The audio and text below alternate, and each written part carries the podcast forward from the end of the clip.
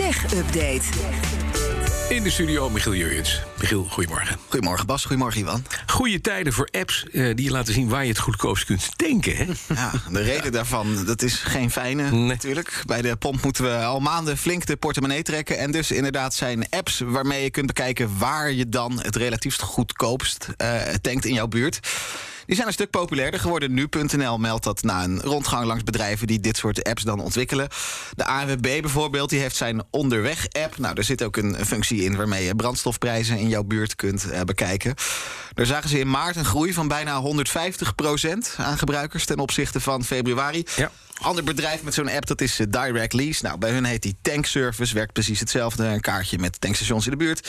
Nou, die hadden begin dit jaar, zeggen ze zelf, een kleine 180.000 gebruikers. Dus begin dit jaar, nou, we hadden toen al wat hogere prijzen... maar de oorlog in Oekraïne, die was er nog niet. In februari en maart, eh, toen we wel die oorlog hadden... zijn er daar tienduizenden mensen bijgekomen, zeggen zij.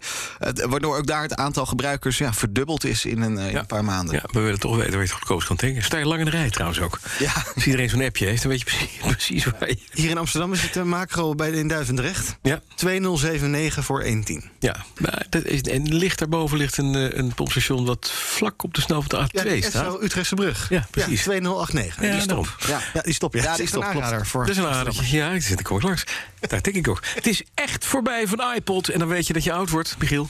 Apple stopt met Ah. eh, de productie van eh, deze ja, toch beroemde, iconische muziekspeler. Ja. Het, het is ook niet gek, hè, want het is inmiddels ja, een compleet achterhaald apparaat. eh, de iPod, hè. de Walkman, de Discman, dat was ook klaar op een gegeven moment. sinds we streaming hebben is alles veranderd. De iPod kan gewoon in dit museum. Ja, maar toch, ja, heel veel mensen die hebben ooit, vooral hè, in de jaren 2000, met een iPod rondgelopen. En als je dat nu alsnog zou willen doen, ja, dan moet je dus heel snel zijn.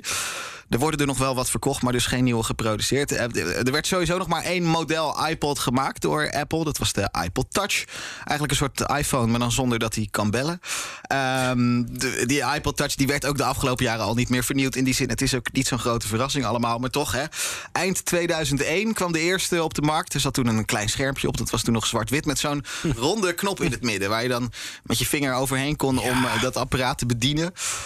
Duizend liedjes kon je er toen op kwijt. Hè. Later hebben we de iPod Nano gehad, de iPod Shuffle. Eh, volgens schattingen zijn er in die nou, ruime 20 jaar dat de iPod er geweest is... meer dan 400 miljoen van die dingen verkocht. Ja, er liggen er drie van mij in de la. Welke had jij? Ik had een, een grote, dus een hele grote, met inderdaad een zwart-witte scherm. En die had toen, daar kon je, daar kon je wel, wel, wel 200 tot 300 liedjes op kwijt. Ongelooflijk. Nou, daarna heb ik een shuffle nu gehad, een langwerpige, gezonde scherm. Ja.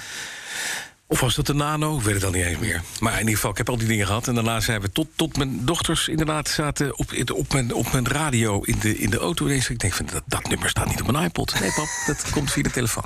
Het was toen heel duur met streamen. Dat was toen heel duur, want streamen zat toen aan je abonnement vast. En ze waren toen 12, denk ik. Dus die hadden geen idee van wat het allemaal Dat kostte. papa betaalde. Maar we hadden wel alle nieuwe nummers op weg naar. Duitsland. Ik begreep dat eh, Apple de voorraad oude iPods opverkoopt en dan is het klaar. Dus als je nog interesse wil in een toekomstig museumstuk, nog even snel naar de Apple Store. Het is wel leuk om te bewaren. Leuk, ja. ja. Nou, over het eind van een tijdperk, een populaire voetbalgame...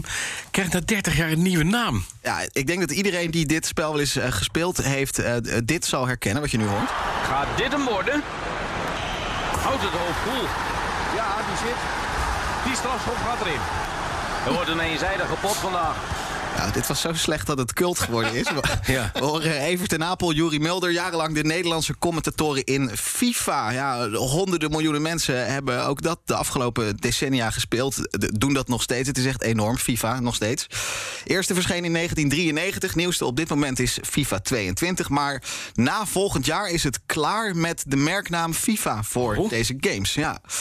Want de International Football Association wil dat gewoon niet meer hebben. Ja, ja, ja daar, daar zou wat gedoe achter kunnen zitten, inderdaad. daar Ah, lijkt oké. het wel op. Electronic Arts, EA, dat is de uitgever van FIFA, die heeft die wijziging zelf aangekondigd. Betekent dat we eh, eind deze zomer nog wel een FIFA 23 krijgen. Dat is dan de nieuwste game, maar daarna wordt het EA Sports FC. Nou, op de website van de EA staat een hele mooie gelikte verklaring over nou, een nieuw tijdperk en een nieuw onafhankelijk platform waar we aan gaan werken.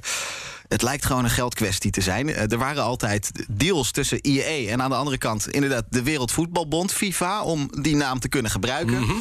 Die huidige licentie die loopt volgend jaar af. Ehm, volgens eh, tweakers onder andere wilde eh, de FIFA 1,2 miljard dollar voor een nieuwe licentie van vier jaar. Voor een naam, meer niet. Ja. Ja, ja. Duur naampje. dat is heel veel geld. Ja, Maar maar die worden- voetbalbobo's die moeten een beetje goed betaald worden. Ja, Daarna lijkt- moeten ze in een sigarenwinkeltje beginnen. En dat kan natuurlijk niet, hè? Ja, en er staat tegenover dat er ook heel veel geld aan die games verdiend wordt. Ehm, maar toch, ja, de EA wilde er niet aan. 1,2 miljard voor, ehm, of om nog een aantal jaar ja, die game FIFA te eh, kunnen noemen.